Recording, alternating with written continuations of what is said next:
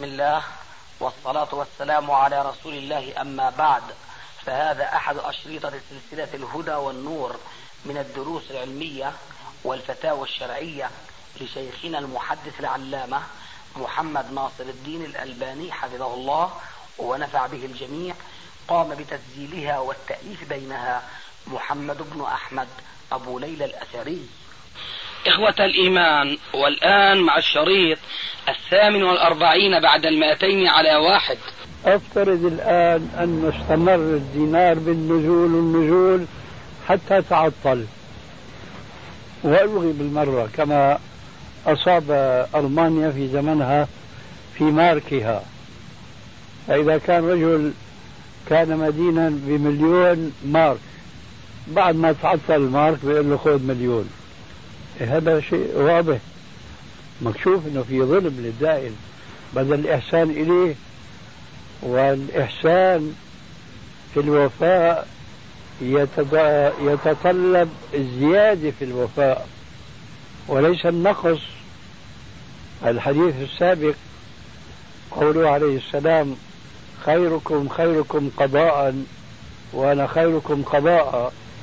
قاله الرسول عليه السلام حينما وفى الرجل بدل الجمل جملين. هذا ليس من الربا في شيء هذا من حسن المعاملة. الربا هو أن يشترط الدائن على المدين الزيادة. أما أن يوفي المدين الدائن زيادة عما استدان منه فهذا ليس من الربا في شيء. بل هو كما قال عليه السلام من استعانكم بالله فأعينوه. ومن ومن إيش؟ ومن سألكم بالله فأعطوه. ومن صنع إليكم معروفا فكافئوه. فإن لم تستطيعوا أن تكافئوه فادعوا له حتى تعلموا إن قد كفأتموه الشاهد قوله عليه السلام ومن صنع إليكم معروفا فكافئوه. أنت استقرضت اليوم 100 دينار ووفيته غدا فبدل 100 يدفع 105 وما عليك ملام إطلاقا بل أنت محسن وكريم. فما بالك من سنين استقرضت من الرجل الطيب ألف دينار بدك توفيه لأن ألف دينار بنفس العدد؟ مع أن القيمة الشرائية هبطت إلى النصف أو قريبا من ذلك. فوين الإحسان؟ وين قوله عليه السلام في الأحاديث السابقة وفي الحديث الأخير ومن صنع إليكم معروفا فكافئوه أي مكافأة مادية. ولذلك أنا أقول لكثير من الناس من الناس من أخواننا حينما يحسنون إلي جزاهم الله خيرا إحسانا ماديا. فأنا أريد أن أقابل إحسانهم بإحسان ماذا يقولون؟ يا أخي بكفينا منك الدعاء. بقول لهم أنا لست بالعاجز. والحديث يعني فإن لم تستطيعوا أن تكافئوه فادعوا له حتى تعلموا أن قد كافأتوه يعني إذا عجزتم ولم تستطيعوا مقابلة الإحسان بالإحسان فعلى الأقل ادعوا لهذا المحسن حتى يغلب على ظنك أنك قد كافأته. وهذا أمر غيبي. معناه ينبغي أن تظل دائما وباستمرار تدعو لهذا الذي أحسن إليك. لكن الخطوة الأساسية أن لا تلجأ إلى الدعاء لأن هذا السلاح العاجز أنا أقول. وإنما تقابل الإحسان بالإحسان. فكيف أنت تريد أن تقابل المحسن بالسوء؟ أعطاك ألف دينار مفعولها اليوم 500 دينار بدك تعطيه ألف دينار. هذا هو الظلم بعينه. والذين يقولون لا مثل ما قبض بده إيه يدفع أو يوفي. هذول بلا شك يعني منطقهم منطق من ينتمي إلى مذهب أهل الظاهر الذين لا ينظرون إلى معاني ومقاصد الألفاظ الشرعية وبخاصة الأحاديث النبوية. ينظرون اللفظ وبس. أما ما وراء اللفظ من المقاصد ما ينظرون إلى ذلك. فهؤلاء كما أقول أنا بالنسبة للذين يفرقون. بين التصوير اليدوي فهو عندهم حرام وبين التصوير وأعبر بتعبير جديد وبين التصوير اليدوي الآخر. لأنه يفرقون بين التصوير اليدوي وبين التصوير اليدوي الآخر. هذا الأول حرام والتصوير الثاني إيش؟ حلال. وبيقعدوا بيفلسفوا بيفلسفوا لك اياها وبيقول لك يا أخي هذا ما صور. أما مكابرة عجيبة جدا. لو ما أخذ الجهاز أو الاله المصورة شو بيسموها الكاميرا لو ما اخذها ووجهها نحو الهدف كان بيصور الهدف ما بيصور لو ما كبس الكبسة هي ما كان تطلع الصورة. كيف بقى بتجوا بتفلسفوا الموضوع؟ بشكليات لا ينظر إليها الإسلام. صحيح إنه اللي بيعمل هيك وهيك ويمكن يقوم ليلا نهارا حتى إيش يتقن الصورة. هذا العمل غير ذاك العمل. هذاك ملخص مختصر جدا. ولا شك لأنه هذيك الآلة من يوم اخترعها المخترع الأول الجهود العشرات والمئات من المبتكرين والمخترعين منكبة على هذا الجهاز حتى وصلوها إنه لا بده تحميض الفيلم ولا بده شيء. بهاللحظة هي بتطلع الصورة كما هي. هذا كله عمل يدوي. لكن لا فرقنا بين العمل اليدوي اللي أخذ من شخص معين زمن طويل وبين العمل اليدوي اللي أخذ من أشخاص زمنا طويلا وطويلا جدا.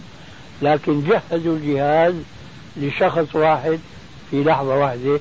يفرقون بين هذه الصورة وبين هذه الصورة هذه حرام وهذه حلال. هذه ظاهرية مقيتة ظاهرية بغيضة. أشبه بظاهرية من يقول أنه إذا بال في الإناء وأراق وإذا بال في الإناء وفي ماء هذا نهى الشارع عنه. لأنه نص الحديث نهى عن البول في الماء الراكد لكن إذا بال في إناء ثم أراق هذا البول من هذا الإناء إلى الإناء الذي فيه الماء هذا جاز لماذا؟ لأنه ما صدق عليه أنه بال في الماء الراكد صحيح هو بال في الإناء الفارغ لكن شو النتيجة؟ أخذ البول من الإناء الفارغ وصبه في الإناء الممتلئ ماء. كل الدروب الطاهون وجد من قال أن الصورة الأولى هي المحرمة. نهى عن البول في الماء الراكد يعني مباشرة. أما إذا بال في الإناء الفارغ ثم أراق ما في الإناء الفارغ. في إناء الماء هذا يجوز لما؟ لأنه ما بال في الإناء الممتلئ ماء هذه ظاهرية مقيتة بغيضة جدا. الآن في العصر الحاضر توجد مثل هذه الشكليات تماما ومنها اللي هو بحث الساعة. أعطاه دينار من خمس سنين من أقل أكثر. بفيها بفي إياها قديش؟ دينار يا أخي الألف دينار اليوم ما عاد قيمة بجوز يصيب الدينار الأردني مثل العملة السورية يمكن من قبل سنة كنا نشتري دينار واحد 150 ليرة سورية 150 ليرة سورية فهل كان مقرض صاحبه من خمس سنوات عشر سنوات ألف ليرة سورية لما صارت ألف ليرة سورية تساوي آه، تقريبا عشر دنانير. هلا بده يوفيها كما استلمها يومئذ. هذا مكابرة وجحد الحق. يعني كالشمس في رابعة النهار ظلم للذي أدان من آثار هذا الأمر وخاصة في الظروف الاقتصادية المقلقلة أن نخير يمسك عن الإحسان للآخرين لأنه بده يصاب بالخسارة فيما بعد. أنا بدي أعطيك ألف دينار بجوز الألف دينار اليوم ألف دينار كمان ينزل الدينار يصير الألف كمان خمسمية. ببطل أنا أعطي أحسن الناس لأنه عم يسيئوا إلي وأنا المحسن إلهم. فالإسلام إذا قائم على مبادئ وأسس واضحة جدا هي محض العدالة فيجب أن نطبق العدالة سواء كانت لنا أو كانت علينا. ولا يؤمن أحدكم حتى يحب لأخيه ما يحب لنفسه. إيه اجعل له عند ذاك الكوكب. هل بقي؟ هذا فوق إنه يعني مدين وملتعن شيطانه. كمان بدنا نحمله الطاق مضاعف الديون. هذه هذه مغالطة. المصيبة ما نزلت على الجميع. لا. لأنه هو لما استلم الألف دينار ما كان في مصيبة. والله ما كان. هي هي يمين بالله. حلف لك يمين بالله. مصيبة خاصة مش عامة. يوم استلم المي... يوم استلم الألف دينار ما كان في مصيبة. طيب الآن نزلت المصيبة على هذا المدين. وعلى الآخرين اللي عندهم إيش؟ دنانير مكنوزة. لكن الألف دينار اللي كان ارتفق بها المدين وانتفع بها كان ما في هناك مصيبة. فكيف نقيس؟ نقول المصيبة شملت الجميع. شملت الجميع الآن. لكن في ذاك الزمان ما في مصيبة. على الجميع. هذه مغالطات. الآن يعني اللي معه مثلا 30000 دينار. وداين 1000 دينار. شو بفيد هذا؟ واللي داينهم نزلوا فلو بقي يسمعوا كذلك نزلت. يا أخي لو معنى الدينار بالدينار الظاهريه البسيطه تعرف شو بيقول عنا بالشام؟ زرعنا لو طلع يا ريت شو الفائده من لو؟ نحن بدنا نعالج الواقع. يعني بناء على هذا الكلام يحق للدائن يطلب الألف مثلا يقدرون يكون 2000 مش يقدرن هو الواقع الواقع, الواقع. اللي بيقدر. اي نعم. ممكن يصيروا ثلاثة. إيه؟ يعني اديت اللي عليك يا أستاذ آه. يعني الملاحظة هاي لها علاقة بسؤال أخونا الكريم. آه. يعني أنا عشان أكافئك صفتك دينتني. لازم أحسب قديش قيمة الألف دينار الفعلية حاليا وأربطها في السابق وأعطيك وبتكون هذا من باب إني أنا كافأتك؟ لا. ولا كيف بدي من باب وفيت ما عليك. وفيت ما علي آمن. وحينئذ إذا بدي أزيد المقابل آه بتزيد. يعني أنا الآن ما أستطيع أسد الألف دينار بالشكل إنه ألف مقابل ألف إلا إني أحسبها. ما يلو علي يعني. شو تقصد كلمة ما تستطيع؟ يعني متخوف هي اللي أنا فهمته من إجابتك لأخونا الكريم نعم. إنه ما ينبغي سداد الألف دينار بألف دينار مع هبوط الدينار. تمام. آه فأنا قلت في نفسي بحسب الألف دينار السابقة بقدرها مثلا طلعوا 1500 دينار. طيب بعطيه ال 1500 دينار حينئذ بكون أنا أوفيته بال 1000 دينار تبعونه. تمام. حسب الإجهاد. نعم.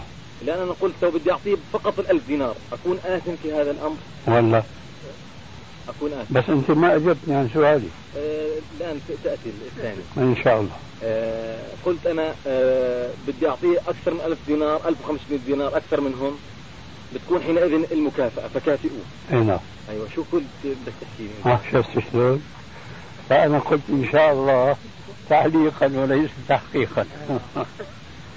قلت أنت كلمة إذا ما استطعت وقلت لك هي كلمة تخوف هي شفت حالك؟ حدت عنها أنت يعني. رديت بعد ما استدركت شغلة طيب. الآن أنت سحبتها ولا مصر عليها؟ سحبناها. يلا. آه غيره. تفضل. لا هنا. لنا القول التورط في الركعتين حيث النفي تقصد في الركعتين في الثنائية يعني. مم. لأن التعبير في الركعتين ما هو دقيق. إنما تقصد في الثنائية. لأنه في الركعتين بيشمل الثنائية وبيشمل الرباعية. صح ولا لا؟ مم. لي بس أجرب هالتجربة؟ على أساس انه إذا بضبط المجلس على هذا تعطي اللي يسال تفضل. إيش سؤالك؟ لازم يقالوا لك آلة تصوير الصوت. كبسة واحدة. هذا تصوير حلال. وما ذلك على الله بعزيز. شو هالدك من هون دك من هون مم.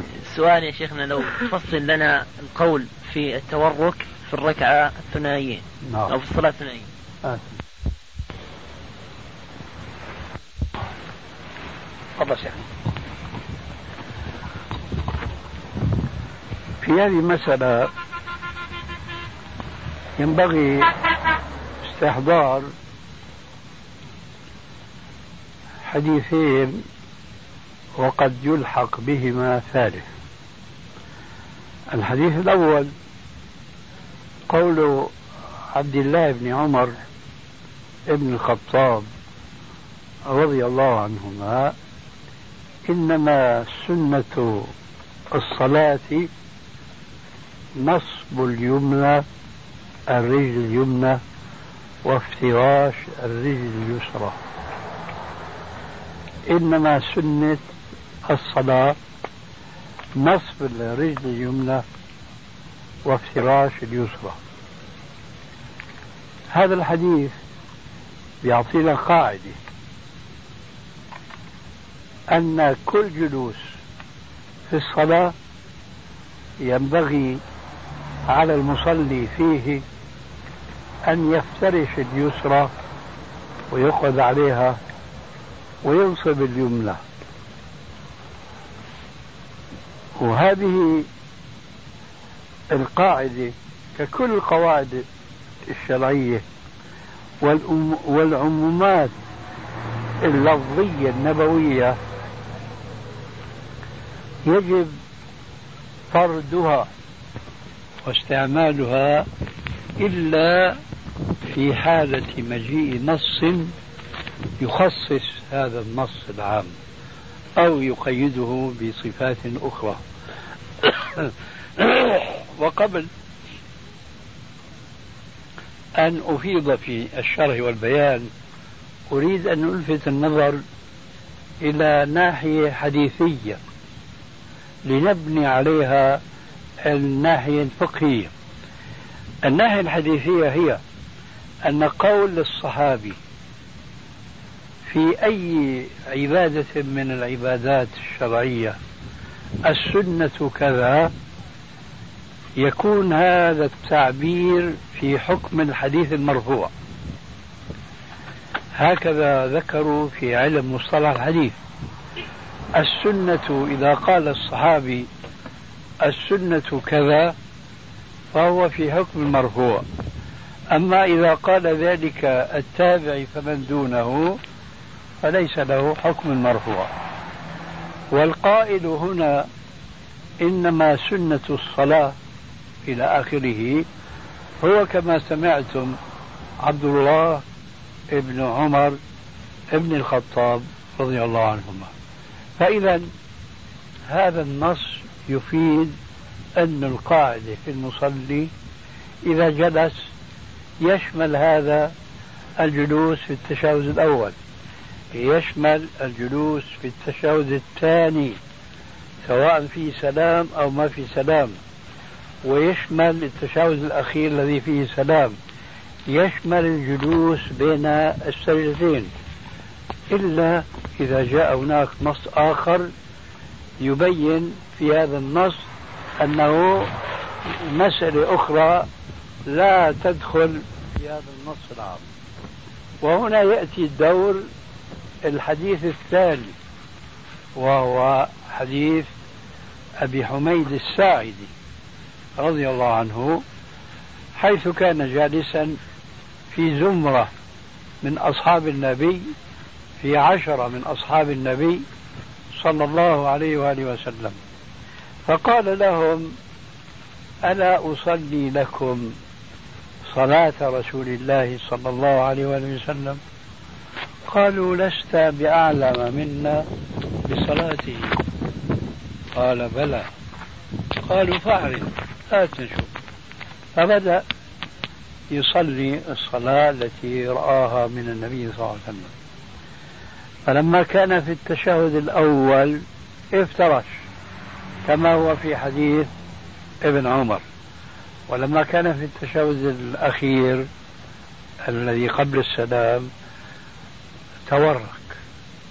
نصب اليمنى وأدخل رجله اليسرى تحت ساقه اليمنى وجلس على وركه على فخذه.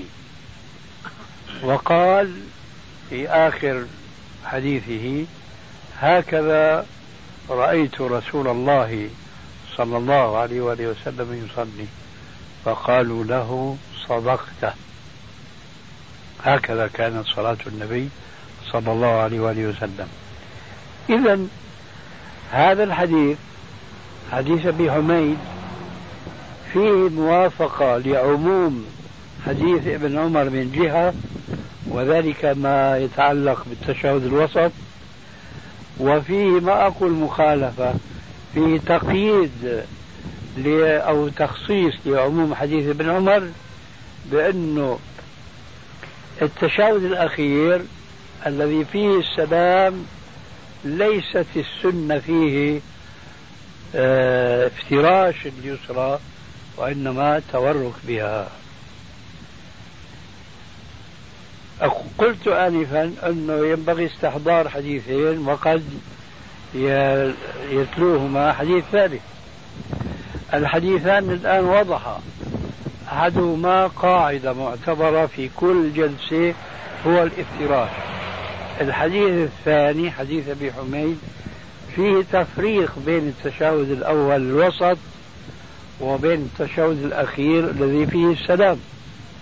فالتشهد الوسط يوافق حديث ابن عمر التشهد الأخير فيه التورك بهذا نعمل الحديثين ولا نضرب أحدهما بالآخر. كما فعلت بعض المذاهب.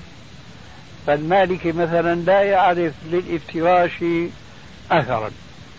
كل الجلسات إنما هي التورك وهذا ما لم نجد له دليلا في السنة. على العكس من ذلك المذهب الحنفي لا يعرف في الصلاة إلا الإفتراش. فهذا في طرف وذاك في طرف.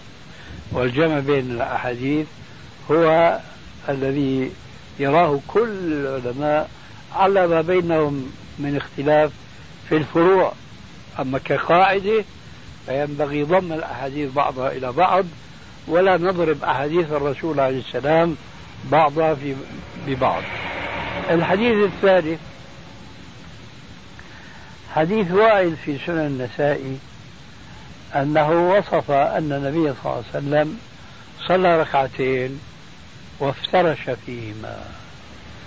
هذا يوافق عموم حديث ابن عمر في خصوص الصلاة الثنائية.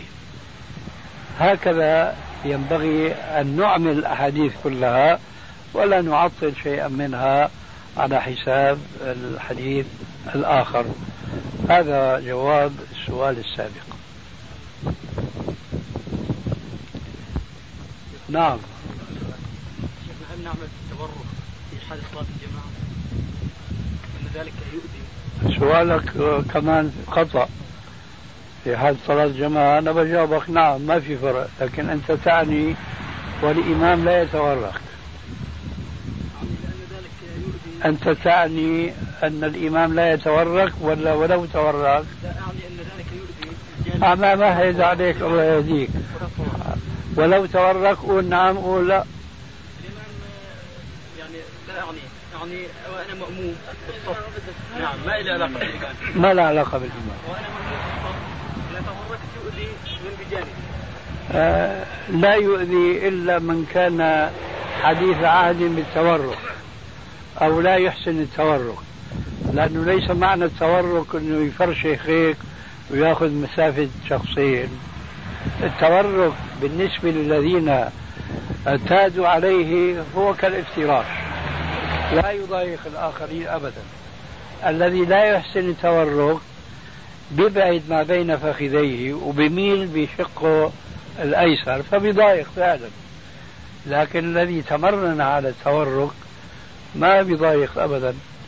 ولذلك نقول له هذا الذي تظنه أنه يضايق جيرانه خاصة الذين عن يساره تمرن على التورك ولين أعصاب رجليك حتى لا تشعر بأنه يبقى هناك خلاف بين افتراشك وبين توركك في الصلاة.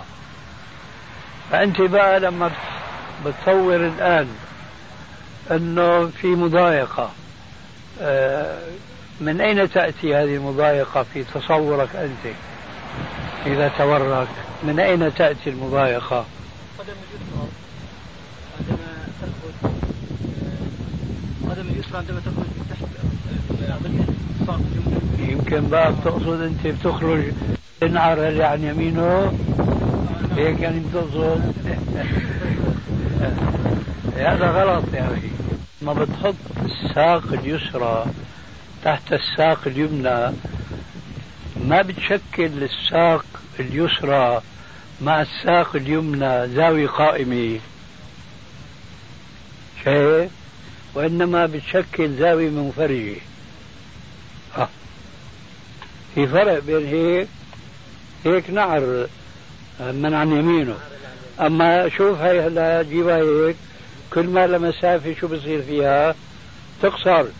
وبتقصر لتجي عند القدم اليمنى المنصوبة ونحن صرنا خمسين سنة أقل شيء ونطبق هذه السنة وما بنشعر بمضايقة لجيراننا. لا من كان عن يميننا ولا من كان عن يسارنا. لكن هذا مثل ما قلت لك في أول الكلام هو لا يحسن التورك فيشعر بأنه يؤذي صاحبه. فأنت بقى إذا رأيت إنسان هكذا علمه كيف يتورك إن شاء الله. شيخ التورك آه، هل هناك دليل صحيح في السنة؟ صريح أو يكاد؟ آه، في جعل التورك مختصا بالثالثة والرابعة دون الثانية إذا كانت أخيرة؟ هلا ذكرنا ذكرنا نحن الآن نقدر نذكر شيئين بنلخص الكلام السابق. عندنا دليل على هذا. أولا حديث ابن عمر. إنما سنة الصلاة كذا. دخل الثنائية ولا لا؟ دخل الثنائية الفراش التورك إيه. أنت بتسأل عن الفراش ولا التورك؟ بتسأل عن التورك إنه تورك التورك في الثالثة والرابعة دون الثانية إذا كانت أخيرة. يعني تخصيص التورك في الثالثة والرابعة إذا كانوا أخرانيات في المغرب والعشاء دون الثنائية إذا كانت في الصبح. إيه.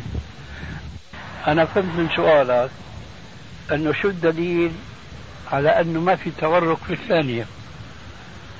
ولا سؤالك شو الدليل أنه ما في افتراش لا. في الثانية؟ لا سؤالي أنه ما في تورك ما هذا جاوبتك إنما سنة الصلاة افتراش اليمنى. اليمنى آه، نصف اليمنى وافتراش اليسرى وذكرنا هذا دليل. حديث أبي حميد الساعدي؟ بعدين جبنا الحديث الثالث وهو حديث وائل بن حجر. نعم. إنه وصف صلاة ثنائية وذكر فيها الافتراش. الافتراش. أه؟ أما حديث أبي حميد الساعدي يحمل على الثالثة برضه ولا بس على الرابعة شيخنا؟ لا لا صار هذا سؤال ثاني. يعني تتميم. ادخلوا في بعض. سؤالين على كل ما في فرق بين الثانية والثالثة بدليل التفصيل السابق. آه. كل جلسة قلنا كل جلسة في الصلاة ماذا نفعل فيها؟ ننصب اليمنى ونفترش اليسرى. إلا ما قام الدليل على تخصيص هذا الحديث. ذكرت أنا آنفا أدلة التورك في الصلاة أو في التشهد الأخير وهو حديث أبي حميد الساعدي ومن وافقه من الصحابة الحضور. الآن أريد أن أذكر شيئا آخر بهذه المناسبة الإيقاع بين السجدتين. الإيقاع بين السجدتين من جملة ما نخصص به حديث ابن عمر وهو الانتصاب على رؤوس القدمين. لا ما في فرق بين الثانية والثالثة بدليل التفصيل السابق. كل جلسة قلنا كل جلسة في الصلاة ماذا نفعل فيها؟ ننصب اليمنى ونفترش اليسرى. إلا ما قام الدليل على تخصيص هذا الحديث. ذكرت أنا آنفا أدلة التورك في الصلاة أو في التشهد الأخير وهو حديث أبي حميد الساعدي ومن وافقه من الصحابة الحضور.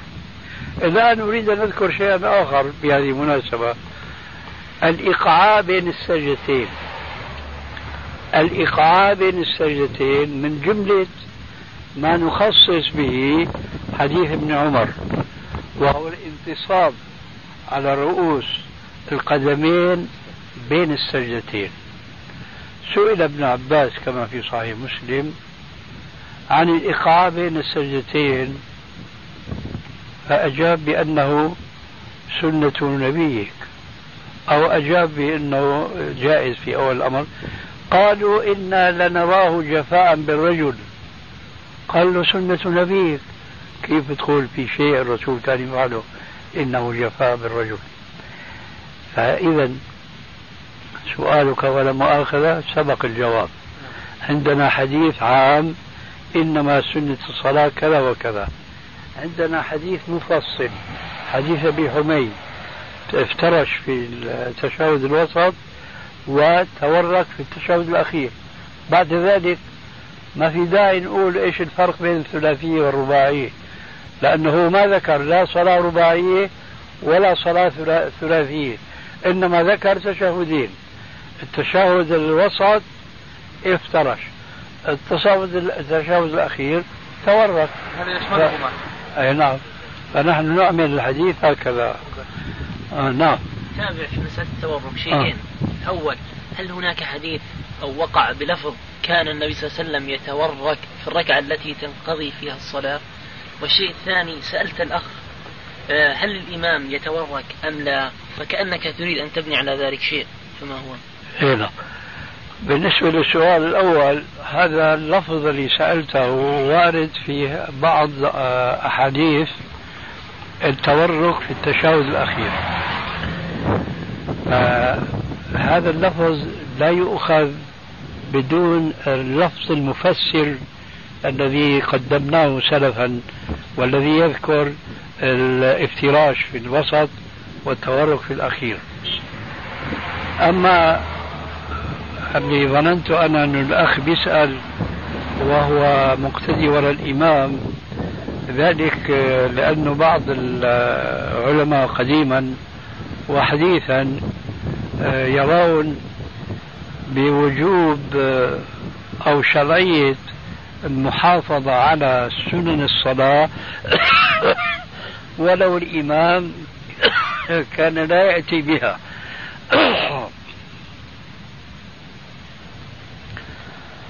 وهناك طرف آخر من العلماء يرى متابعة الإمام في كل ما يفعله معذورا.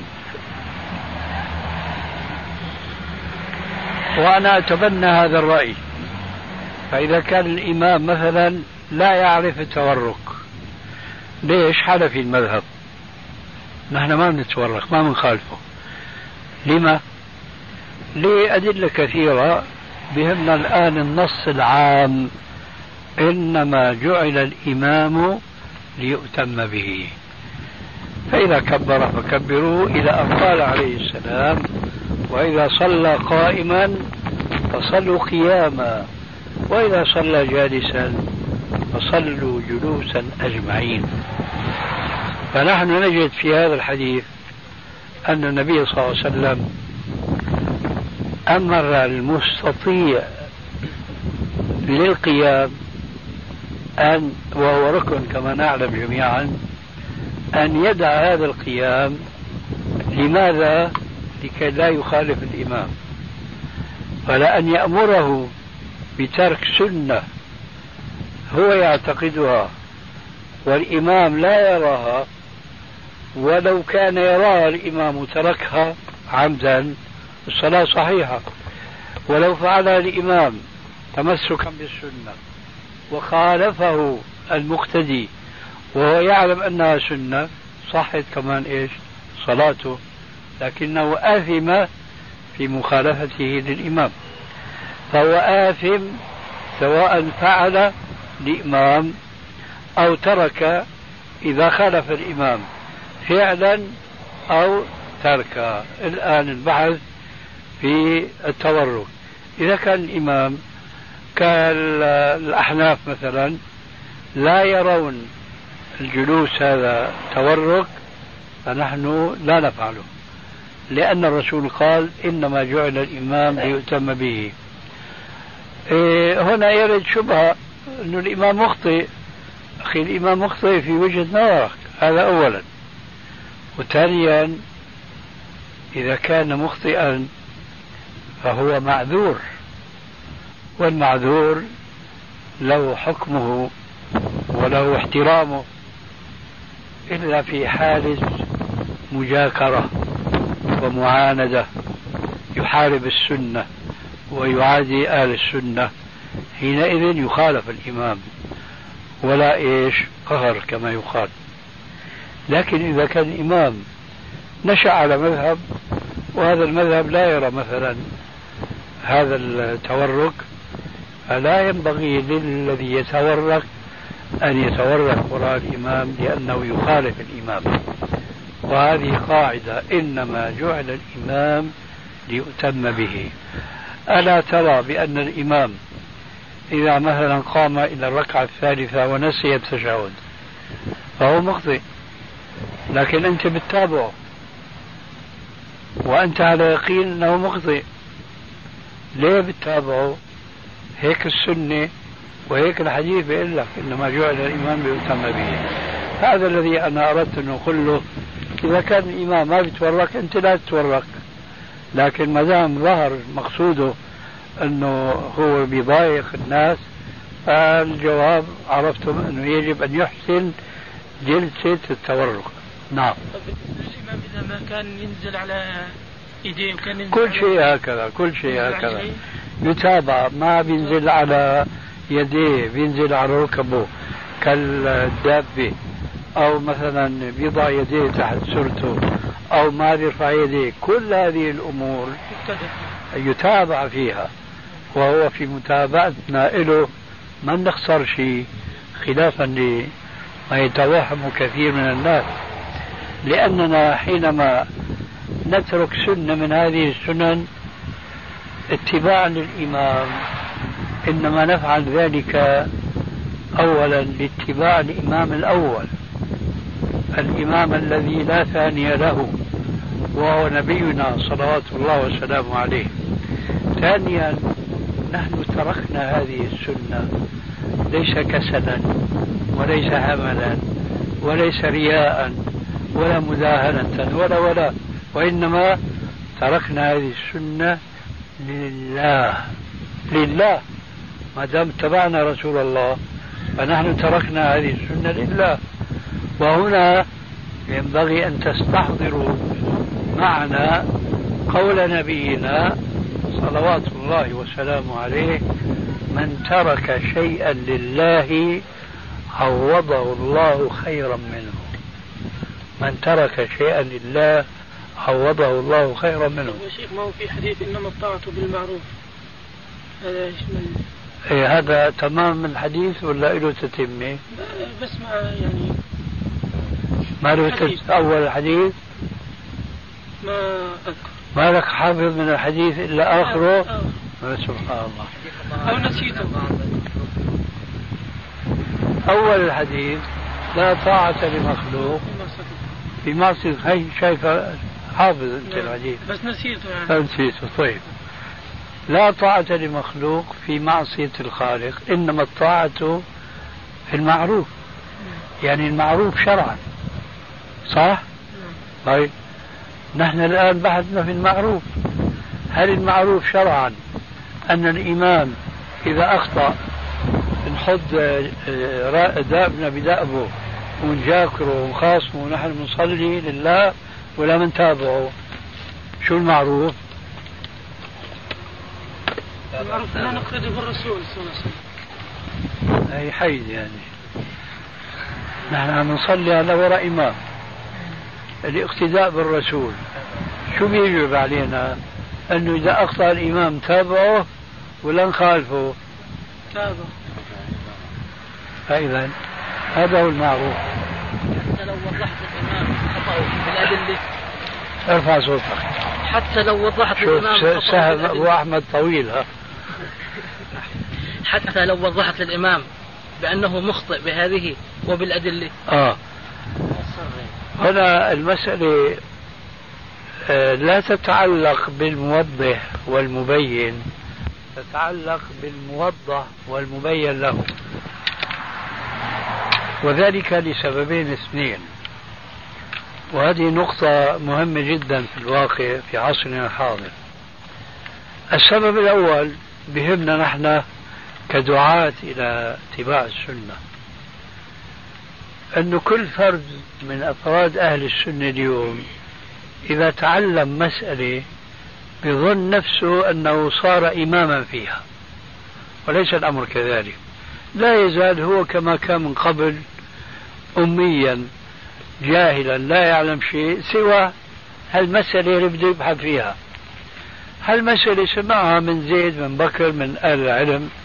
واقتنع فيها وبدأ يطبقها. لكن لا يخ... فلا نظن أنه بين له يا أخي السنة وهذا الإمام ما اتبع السنة. هذه ناحية تتعلق بالمبين شايف؟ أعني أن المبين في كثير من الأحيان ما يستطيع أن يقيم الحجة على المخالف. عرفت كيف؟ خاصة بزماننا لأن أهل العلم اليوم الكتاب والسنة علما قويا يخصم هذا العلم المخالفين للسنة نادر جدا جدا. لكن الحمد لله دعوة السنة ماشية والناس عم يطبقوها. لكن مش كل الناس أهل أنه يقيم الحجة على الآخرين المخالفين للسنة. هذا فيما يتعلق بمين؟ بالمبين. نرجع بعد المبين له. المبين له تصور أنه ابتلي برجل عالم فاضل. ما بنقدر نتصور الآن أنه هذا المبين له اقتنع. لأنه في رواسب في رواسب قديمة جدا. يعني مثل مرض ليس لأول ما يعالجه الطبيب ممكن القضاء عليه. ليه؟ لأنه مستأصل بده استمرار في المعالجة وبالكاد أنه يشفى ويطيب. هذا مثل المرضى في قلوبهم في مخالفتهم لسنة نبيهم. فليس إذا بمجرد إقامة المبين الحجة بحق مش عامة الناس العالم. لازم نتصور أنه قامت الحجة على المبين له. خاصة وهذه صورة أدق. خاصة إذا كان هذا المبين له لسان حاله بيقول يا أرض اشتدي ما حدا عليك يأذي. هو رجل عالم ورجل فقيه ويمكن بيفتي الناس. وبيجي واحد من إخواننا الضعفاء المساكين بيقول له خالفت السنة. السنة كذا. كلامه صحيح. لكن ما عنده ما عنده كما يقولون اليوم خلفية وأدلة شرعية إنه يجي يبينها له الرجل العالم اللي مغتر بعلمه ومتكبر يمشي في الأرض مرحا فلا ينبغي أن نتصور إنه مجرد ما التقى سني أو سلفي مع مذهبي وبين له خطأه خلاص أقيمت الحجة. هذا خطأ. لكن الأحسن أن نبين الحجة وكما قال بعض الدعاة المعاصرين كلمة طيبة ألقي كلمتك وامشي. لا تقعد تمسكه من خوانيقه إلا مثل ما بيحكوا عن ذاك الكردي. لقي رجل يهودي في الطريق والكراد في بلادنا هنيك كانوا يتسلحوا إلى عهد قريب. الخنجر هون في زماره لقي هذا المسلم الكردي اليهودي. سحب الخنجر هيك بده يهدده. قال له ولن أسلم ولا بقتلك قال له دخلك. ماذا أقول؟ قال له والله ما أدري. ما يدري المسكين كيف يلقنه. شهادة لا إله إلا الله إلى آخره. فنحن ما نمسك بقوانين الناس. ونقول لهم إلا ما تفعل كذا. يا أخي ادع إلى سبيل ربك بالحكمة والموعظة الحسنة وجادلهم بالتي أحسن. أظن أعطيتك جواب سؤالك بس طولت بالك عليه شوي معلش تفضل. بقولنا هذا حديث صحيح شاذ. حديث صحيح شاذ. آه، من الذي يقول هذا الكلام؟ قرأته في كتاب تيسير آه، تيسير مصطلح الحديث. تيسير مصطلح الحديث. محمود الطحان إيه، لا شك إنه هذا بيكون كتاب حديث حديث العهد يعني. مين ألف هذا؟ محمود طحان صدق ظني نعم. نحن عم نسمع منه. حديث صحيح شاذ. مثل ما قلت حديث صحيح ضعيف. بس وأنت الناقل ما أدري. أنت المخطئ ولا اللي نقلت عنه هو المخطئ. يمكن أحسن تكون أنت المخطئ. لأنه هذاك كيف ما كان يعني مؤلف ودكتور. فأحسن نخطئ صاحبنا. ما نخطئ هذاك. لا يجوز أن يقال يا أخي حديث صحيح إيش شاذ لأن الشاذ من أقسام الحديث الضعيف. ولذلك قلت لك قول القائل حديث صحيح شاذ كقولنا حديث صحيح ضعيف. كقولنا ليل نهار في آن واحد ضدان لا يجتمعان. متحرك ساكن ضدان لا يجتمعان. لكن ما الذي يقال؟ يقال في حديث ما هذا الحديث صحيح الإسناد ضعيف المتن. شايف انفكت المعارضة السابقة بعض عن بعض. صحيح الإسناد ضعيف المتن. إيه شو معنى بقى صحيح الإسناد ضعيف المتن؟ توفرت شروط الصحة في السند من حيث الظاهر. ولكن قام دليل على خطأ المتن. حينئذ إذا أردنا أن نلخص الكلمة السابقة صحيح الإسناد ضعيف المثل ما منقول حديث صحيح شاذ منقول حديث شاذ.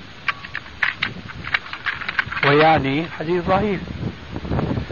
لأنه من شروط الحديث الصحيح كما يقول العلماء ما رواه عدل ضابط عن مثله عن مثله إلى منتهى ولم يشذ ولم يعرى فإذا قيل حديث شاذ كما إذا قيل حديث معلول.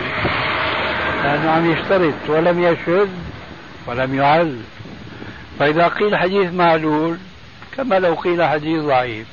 وإذا قيل حديث شاذ كما إذا قيل حديث ضعيف. أما الجمع صحيح شاذ أيضا صحيح معلول لا يجتمعان. نقيضان لا يجتمعان.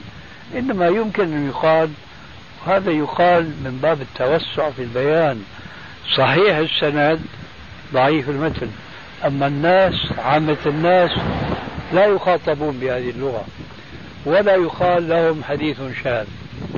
ولا يقال لهم حديث معلول وإنما واضحة حديث ضعيف انتهى الأمر. لكن من حيث فلسفة الجملة هذه استنادا لقواعد علماء الحديث فصحتها أن نقول صحيح الإسناد ضعيف المتن هاتين الجملتين في النهاية يساوي حديث ضعيف. واضح؟ هاي تفضل. شيخ بالنسبة لمسألة الدينار ذكرت مسألة واضحة. أنا كرجل مستأجر من ثلاث سنوات. مستأجر بخمسين دينار. الآن سعر الدينار باعتباره نازل. آه، أرى لزاما علي أن أرفع السعر أو أبلغ آه، الله يجزيك الخير. وصاحبك مرة يبقى مزح مثل حكايتي يقول جزاك الله خير لكن لكن هل تفعل إن شاء الله؟ ما هو كيف ما بدي أفعل؟ آه الأصل أفعل المشكلة لكن الواقع آه. يجبرني إني ما أفعل ليه؟ لأنه أنا مثلا كموظف باخذ 100 دينار مالك موظف يعني على ما هو عليه يعني أنت مالك موظف؟ موظف أنت عم تقول كم موظف؟ لا يعني صفر 100 دينار ظلت على ما هي عليه إيه فطالما ما زاد راتبي ما زاد شيء من الموارد اللي بدي إياها. آه. كيف بدي أزيد؟ كيف بدي أتصرف؟ وقص هذا لا تكونوا إما. لا تكونوا إما. تقولون إن أحسن الناس أحسنا وإن ظلموا ظلمنا. ولكن وطنوا أنفسكم. إن أحسنوا أن تحسنوا وإن أساءوا فلا تظلموا. هذا الرجل هل أنت ساكن في داره أنت بتشهد أنك ظالم له لأنه معلمك بيظلمك إلك. لازم أنت تظلم لهذا ما أستطيع أن أفي به أعطيني جواب لأنه معلمك ظالمك. بدك أنت تظلم أجرك؟ قول لا. مو وضرني لا طبعا. قول هين هيني نجي بنقول بقى بنعالج موضوع لا أستطيع. صح؟ هون التعامل الإسلامي الخيالي اليوم الخيالي لأنه ما في معاملة إسلامية اليوم مع الأسف. أنك أنت تجي عند المؤجر صاحب الدار تقول له يا أخي أنا شاعر بسبب هالأزمة. من نزول الدينار أنه أنت تستحق مني أجرة شهرية مضاعفة. لكن أنا الحقيقة شاعر من جهة أخرى أنه ما أستطيع أنه أفيدك إياها. في عندك حل أنت؟ أنا في اعتقادي لو كان أبخل الناس لما بيسمع العرض هذا راح يتنازل معك. راح يقول لك شوف يا أخي أنت تزمم لحالك وهلي بتدفع وأنا أبلان مثلا يعني. هاي الصورة الحسنى اللي بتناسبك أنت مثلا في هذا المثال أو في هذه المثلة. ممكن نتصور يستأسد الرجل ويتقوى عليك ويقول لك لا أنا ما برضى إلا الضعف. الأجر كان 100 دينار شهري بدي إياه 200 دينار. في هذه الحالة أنت بقى لك حالة من حالتين يا بتقول له أنا ما بستطيع والله يبارك لك في دارك ومهلني جمعة جمعتين شهر شهرين. راح استأجر دار من جديد تتناسب مع معاشي مع موردي أو أنت بتلاحظ أنه في عندك استطاعة أن تفيده مع الزمن الفرق اللي راح تتفقوا عليه. دين يعني. فإذا مش الحل نقول إيه مثل ما ظلمني معلمي أنا بظلم أجري لا. معالج الموضوع معه بطريقة من الطرق حتى يكون راضي لأن الرسول عليه السلام كان يقول لا يحل مال امرئ مسلم إلا بطيب نفسه. اليوم مع الأسف كل الناس إذا كانت الناس مية استثني منهم واحد اثنين. وهكذا بهالنسبة هي ما بيراعوا حقوق الآخرين أبدا.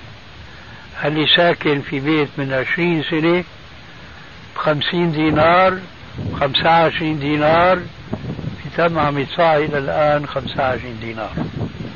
هذا هنا مثل ما حكينا بالنسبة للدين السابق. حط حالك أنت محل المؤجر. ترضى بهالمال بهالأجرة اللي عم تدفعها. لا. إذا أنصف أنصف الناس من نفسك. خلاصة الجواب كونك أنت معاشك ما بيساعدك على أنك تخلص ذمتك منه. في إلك عدة طرق أه تحول بينك وبين أنك تظلم المؤجر بتاعك بسبب إيش؟ أنه معلمك ما عم يرفع لك أجورك. ويرحمك الله. تابع للسؤال يا شيخ. كان المعلم نفسه هو مستدين منه. فرض الدولة مستدين منها ألف دينار. وما زادني براتبي ولا غيره. ما الدولة بدي أنطيها زيادة؟ إن شاء الله الدولة ما بتعطيها ولا قرش بس مرغمة عنها. إذا هي رضيانة هيك هي المفروض الدولة أنه توسع على الشعب. يعني تعد لنا سيرة عمر الخطاب عمر بن عبد العزيز. عرفت كيف؟ الدولة بدون نهب بدون سلب شو ردت هي؟ ماشي الحال. أما الأفراد لا ما بيجوز. بنفس السؤال شيخنا. ما شاء الله. آه لو كان في هناك عقد إيجار بيناتهم لخمس سنوات مثلا أو عشر سنوات شامل الكلام الجواب؟ أمير المبادرة حط حالك محل المؤجر وجاوب يعني بنص الآية يعني إحنا حبينا نذكر. عشان في لا لا نص الآية ما بيشمل السورة بس ليش ما جاوبتني؟ وبدي أكون أنا مش قابل بس عشان في آية خلاص خلاص. لا الآية ما بتعطيك. تقبل؟ لو كنت أنت المؤجر لخمس سنين الآية شو بتقول؟ أوفوا بالعقود. إيه شو معنى أوفوا بالعقود؟ يعني الاتفاق اللي اتفقتموه أنتم ابرمتوا بيناتكم؟ حرفيا ظاهريا مثل ما ضربنا الأمثلة. يكون في اتفاق معين يعني. ما جاوبتني. ليش ما عم تجاوب؟ كيف يعني حرفيا؟ هيك سؤال. ليش أنا بسألك كمان انت سألني مو ضربنا لك مثال. نهى عن البول في الماء الراكد؟ طبعا. لكن لو بال في الإناء الفارغ وأراق ما في الماء في الإناء الفارغ البول. تحايل طيب. أوفوا بالعقود عم أقول أنا حط حالك أنت محل الدائن محل المأجر شو معنى أوفوا بالعقود باللفظ ولا بالمعنى؟ اللفظ نهى عن البول في الماء الراكد المعنى عرفته. طبعا. الآن هون كمان الآية. شو بتعني الآية؟ أوفي بالعقود يعني لا تنقضها. طبعا. آه اتفقنا نحن مثلا على شيء سرعان ما نقضناه لكن جرت ظروف لم تكن هذه الظروف ساعة العقد. فأوجبت نظر في هذا العقد. يقبل تعديل يقبل إضافة يقبل حذف هذا شيء ثاني أيوه. واضح؟ بارك الله بارك الله. يعني شيخ نفس السؤال. طب ولو ما شاء الله سؤال مبروك مبارك طب إذا كان شيخ لا يتزال لحد الآن مثلا بعض البيوت الفارغه بنفس السعر يعني اللي هو قائم سابقا يعني اراد الآن شخص يروح يستأجر البيت في هذا الوضع الآن إحنا موجودين فيه. وجد نفس الأسعار المناسبه موجودة الآن في الأسواق. حط حالك محل المؤجر طلب مني هيك الأجار. أنت حط حالك محل المؤجر إذا سامع فتوتك بزيد السعر. اذا سامع شيخنا يعني الآن مثلا عمارة آه، صهري أبو هيثم. فيها بعض الشقق المفروض يعني الفارغة ومنها مؤجر. هو طبعا نزل الآجار عن مكان من أول مش رفع الآجار. لأنه أصلا كانوا الآن المستاجرين كلهم جنبه كان ياخذ 80 دينار. وشقق طبعا كلها ديلوكس فخمة وممتازه عملها الآن ب 70 إخوة الإيمان تتمة الكلام في الشريط التالي. فبأجرها نفس السعر في هذا الوضع. أنا هذا سؤال مشواري. هدي مستأجر الدار قلنا من عشرين سنة نعم. وبدفع خمسة عشرين دينار؟ الآن لو أخلاها بس 25 بالدين؟ لا من 25 سنة لا شيخنا. من خمس سنوات ولا يا أخي ما بدنا نتناقش في الأمثلة المقصود تقريب الموضوع. مو من 25 سنة من خمس سنوات. نعم. مو من خمس سنوات من سنتين. إذا أخلها الدار وكان مستأجرها بخمسة عشرين تؤجر بخمسة عشرين ولا بستة عشرين